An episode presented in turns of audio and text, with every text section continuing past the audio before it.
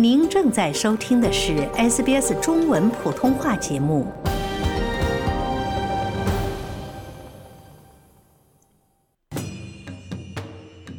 在墨尔本西郊 Sunshine West，一位满怀激情的女孩正在练习传统舞狮的步伐。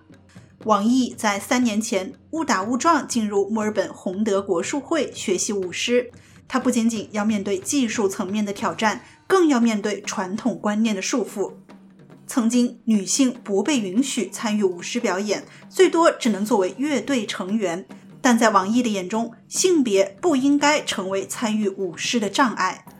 而舞龙舞狮如今在澳洲大地上大放异彩，而且出现了越来越多女性表演者的身影。我又把我舞狮的视频给我奶奶那边的人也看，然后他们就觉得这么厉害了吗？这这出去出了个国，还学了个舞狮。我希望我一生都是能舞龙舞狮，希望以后我们可以教更多的年轻人，帮他们一直传承我们的文化下去。他们的勇气和决心，正如同舞动的飞龙与灵狮，满怀活力与能量，用力撞破传统的桎梏。从此，无论男女，不管来自哪里。广阔的天地都是新一代龙狮的舞台。王毅曾在社媒上分享说，刚加入洪德国术会时，舞狮团的一切对于从小没有看过舞龙舞狮的他来说都是那么的新奇。训练场地是个很神奇的地方，放着各种龙身、狮头，还有用来装饰的树。而如今，他已经可以扛起狮头，活灵活现地化身为一只充满灵气的小狮子了。我当时是差不多来这里第三年吧。第三年的时候，有一个朋友，他突然有一天问我：“哎，你对舞狮有没有兴趣？”我说：“舞狮。”当时我是从来没有听过舞狮，虽然我是来自于中国，但是我没有见过舞狮。然后我说：“好啊。”他是新加坡人，所以我当时挺震惊的。他竟然会舞狮，他已经舞了。快七八年了，然后第一天去了那里，然后它是一个很大的一个工厂，很大一个工厂。我们走进去之后，我当时看了那个那里人，觉得哇，这地方好大好空，然后就零零散散的摆了一些狮子啊，然后摆了一些龙。当时就是第一次，然后大家先热身啊之类，然后大家都很开心看到我，然后我比较社恐的时候，没有怎么跟大家讲话，一开始，嗯。所以你之前在老家山西大同的时候，没有见过舞龙舞狮的表演？没有，完全没有见过舞龙舞狮。嗯，其实，在加入舞狮队之前啊，你心里面对舞龙舞狮是一个怎样的印象呢？我其实是没有这个概念的，我完全没有见过。嗯，在加入洪德之后，有没有一些改变？我身边很多人现在都已经知道舞狮，因为他们会问我：“哦，你今天要去干什么？”我说：“我去舞狮。”他们说：“哦。”你去舞狮吗？然后他们有时候也没有见过舞狮嘛，然后就会给他看哦，你看这是我舞的狮子哦，你看这是我们在表演，这是我们在训练，他会觉得哇，你好厉害哦，这样子。嗯，你是觉得是非常值得拿出来跟朋友们说一说的事情？我觉得更像是一种兴趣爱好那样子，然后我觉得跟大家分享一下，让大家觉得哦，我在做这件事，而且现在这边竟然也有像宣传。中国文化的一些项目，嗯，这样的一个兴趣爱好应该还是挺小众的哈。而且会不会有些人觉得说，哎，这都是老一辈在做的事情？哎，倒没有哎，感觉现在当代的我同龄人的话，会觉得，哎，好新颖的样子，因为身边几乎没有人在做。墨尔本洪德国术会起源于马来西亚，是一个多元文化的队伍，主要由亚裔组成。皇家姐妹黄新慧和黄新玲同样也在洪德，她们与弟弟妹妹一起，姐弟四人都加入了洪德的舞龙团队。我们家里有四个兄弟姐妹，有我，有黄新玲，还有一个妹妹叫黄新文，还有一个弟弟叫黄金慧。我们四个都一起在龙哪里训练了？因为我们一起长大的。所以跟他们一起舞龙比较容易合作，因为舞龙需要很合作。王毅介绍说，新成员加入舞狮团后，首先会加入音乐团队，通过了解不同的乐段在传统表演当中有何意义，逐渐走入舞龙舞狮的世界。只有了解古典音乐，才能更好的了解狮子的步态与动作，甚至更深层的文化意义。通过音乐入门之后，如果对舞狮本身感兴趣，就可以开始学习步伐与手部动作，随后再带着狮头进行练习。狮头分不同的重量，王毅目前使用的狮头重约五公斤左右，长时间高举还是需要力量的。女性在力量方面天生比男性要弱一些，因此练习舞龙舞狮需要付出加倍的努力。不过，王毅认为，阻碍女性参与舞龙舞狮的原因，更多是由于文化因素。呃，现在是女生的话会稍微更多一点，之前女生的话是不可以不可以舞狮的。嗯，为什么呢？是一种传统，是女生的话最多只能打音乐，她们是不能舞狮的。即使是现在，也是有一些队伍它是不可以舞狮的，就有一些队伍它的规矩就是女生不可以舞。或者有一些是男女生不可以一起舞，看那个队里的师傅吧，就是师傅会觉得哦这样不太好，那大家都会听师傅的，就哦那不行。他主要是看按照师傅的意愿来决定，因为师傅的话他有可能会比较传统一些，或者是觉得哦大家应该都平等，女生也应该可以加入。Bendigo 金龙博物馆的研究员麦丽 （Lay McKinnon） 对 SBS 普通话进一步解释说，背后的诸多文化原因包括男性主导、重男轻女等。I guess there are a number of cultural reasons behind that. So of course, 我想这背后有很多的文化原因。最初，澳大利亚的华人社会是一个非常阳刚或者说男性主导的社会，可能还有点重男轻女。而龙在传统上也被认为是男性的神话或超自然生物。但如今情况已经出现了非常大的改变。皇家姐妹此前便都入选了 Bendigo 抬大龙的志愿者。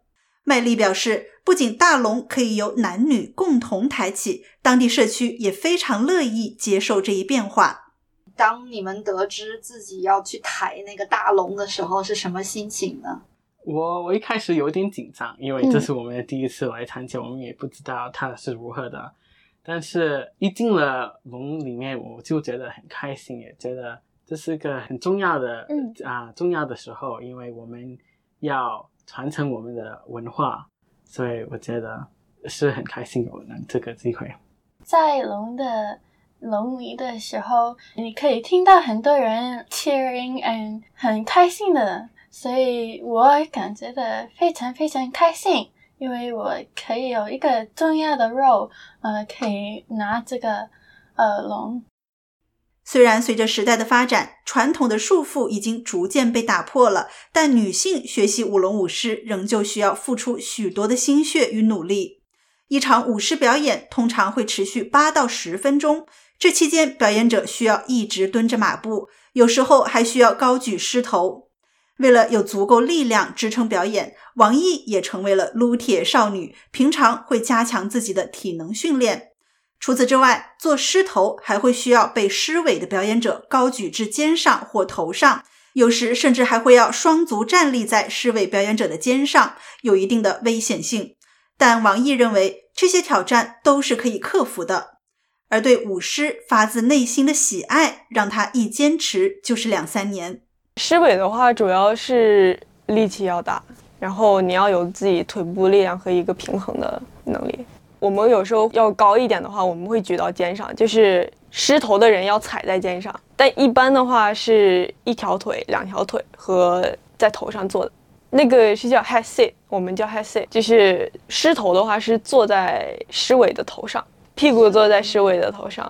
我觉得这个也有可能是一些师傅他不想让女生跟男生在一个狮子里。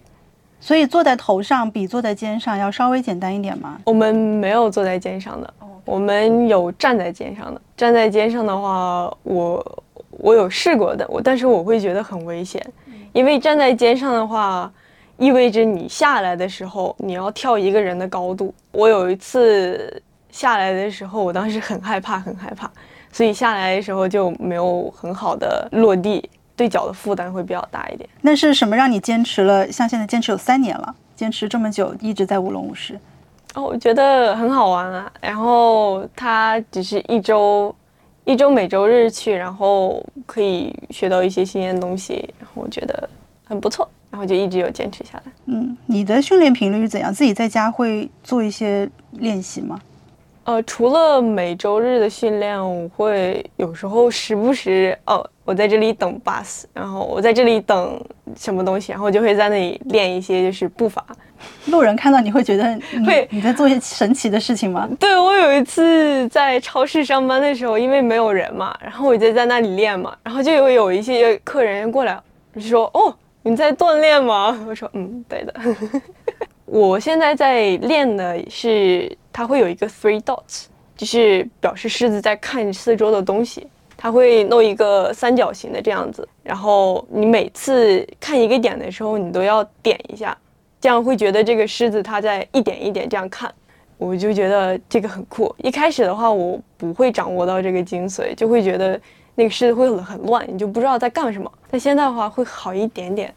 如今舞狮团的师傅评价网易的表现已然可以上台演出了，而他把自己训练的视频发送给家人时，也会获得“你还挺厉害”这样的评价。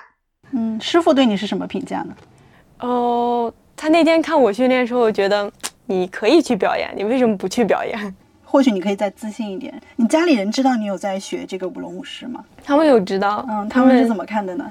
我一开始告诉我家里人的时候，他觉得哦。你在舞狮，然后又说哦，你弄那个干嘛？因为一开始我们那边就已经不会再有舞狮了嘛，我也没有见过。然后他就觉得你你在你在弄这个很危险吧？应该，因为他一开始以为是就是在桩子桩子上跳的那个。他说你要上桩子吗？你还要被抬吗？我说我不上桩子，我上桩子我也怕。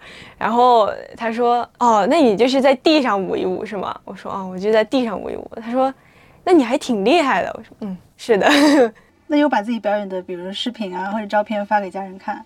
哎，我有，我有发给家里人看，然后我妈妈会觉得，哇，你很厉害。因为有时候我会给她发我坐在别人头上或者站在肩上的时候，然后我妈就会觉得挺厉害，啊这小姑娘。上次回去的时候，我又把我舞狮的视频给我奶奶那边的人也看，然后他们就觉得这么厉害了吗？这。这出去出了个国，还学了个舞狮，会不会说，哎，啥时候舞给我们看看？这种，呃，会会会。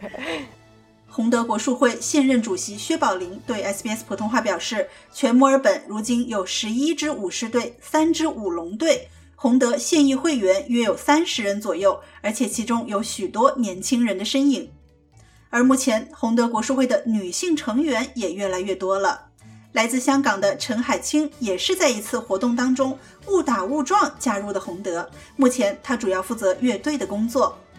在香港时常看到舞龙舞狮表演的陈海清，在舞狮团当中也感受到了家乡熟悉的氛围。舞龙舞狮在你的心里面意味着什么呢？会让你想到家，想到香港吗？会想到，都会很吵嘛，然后香港也很吵，而且因为我在香港以前经常看到嘛。所以感觉会有回家的感觉吧，而且因为它真的太吵了，然后就跟 香港的那个气氛很像。啊，舞龙舞狮的吵闹跟香港的气氛，你觉得是还蛮蛮像的。对的。那你家里人知道你有在学舞龙舞狮吗？有的，我妈是挺意外的，因为她觉得香港有这么多，你为什么当时不学，非要跑到来这里学？因为我在香港之前是学钢琴的，然后两个风格完全不一样了。嗯，那你有跟家里面提一下自己在一些表演里面的一些经历，有让家人对这件事情有改观吗？有的，我每次音乐表演我都会发给他们，他们很开心的。嗯，他们是怎样的一个感觉呀？他们觉得我会跟不上，但是我每次都会给他发表演，他们也看到我真的打得不错。尽管在自己的家乡很少见到。但在王毅的心中，舞龙舞狮无疑是中国文化非常重要的标志。平常与人说起自己要去舞狮，对方对此不甚理解时，他也会耐心的解释，希望更多人能够了解舞龙舞狮。对我来说，他我不会觉得有很多家乡的意味，因为之前的话就没有接触到。但是我会觉得是一个中国的文化，然后。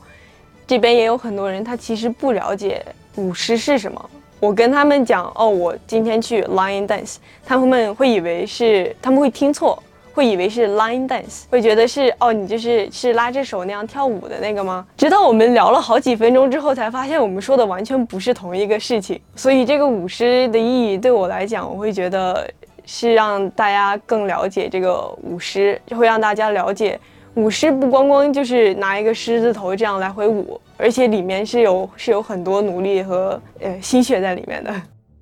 黄家姐妹自小便对舞龙舞狮表演有着很深的感情。姐姐黄新慧说：“传统也可以改良，只有不断顺应时代去做改变，传统才能重焕活力。”而妹妹黄心玲更是鼓励年轻人和女性勇敢加入舞龙舞狮的队伍。我觉得尊重传统是很重要的，但是很多的传统也可以改良一下。很多现在的事情也不是跟以前的传统是一模一样的，有些变化的。所以我觉得这些变化不是不好的，这些变化是让更多的人来看这些传统，让这些传统变得更发光。所以我觉得女人参加舞龙舞狮是个好事情，是一个好的变化。我希望我我一生都是能舞龙舞狮，虽然我们老了就比较难做舞龙舞狮，因为要跳来跳去，但是希望以后我们可以教更多的年轻人，帮他们。一直传承我们的文化下去。嗯，我也觉得一样的。嗯，我希望更多的女人，或者更多的年轻人，或者更多的华人一起参加舞龙舞狮。如果你自己很喜欢舞龙舞狮，你可以参加一下。嗯，我觉得不需要害怕。如果有人说你不应该参加的，你别听他们。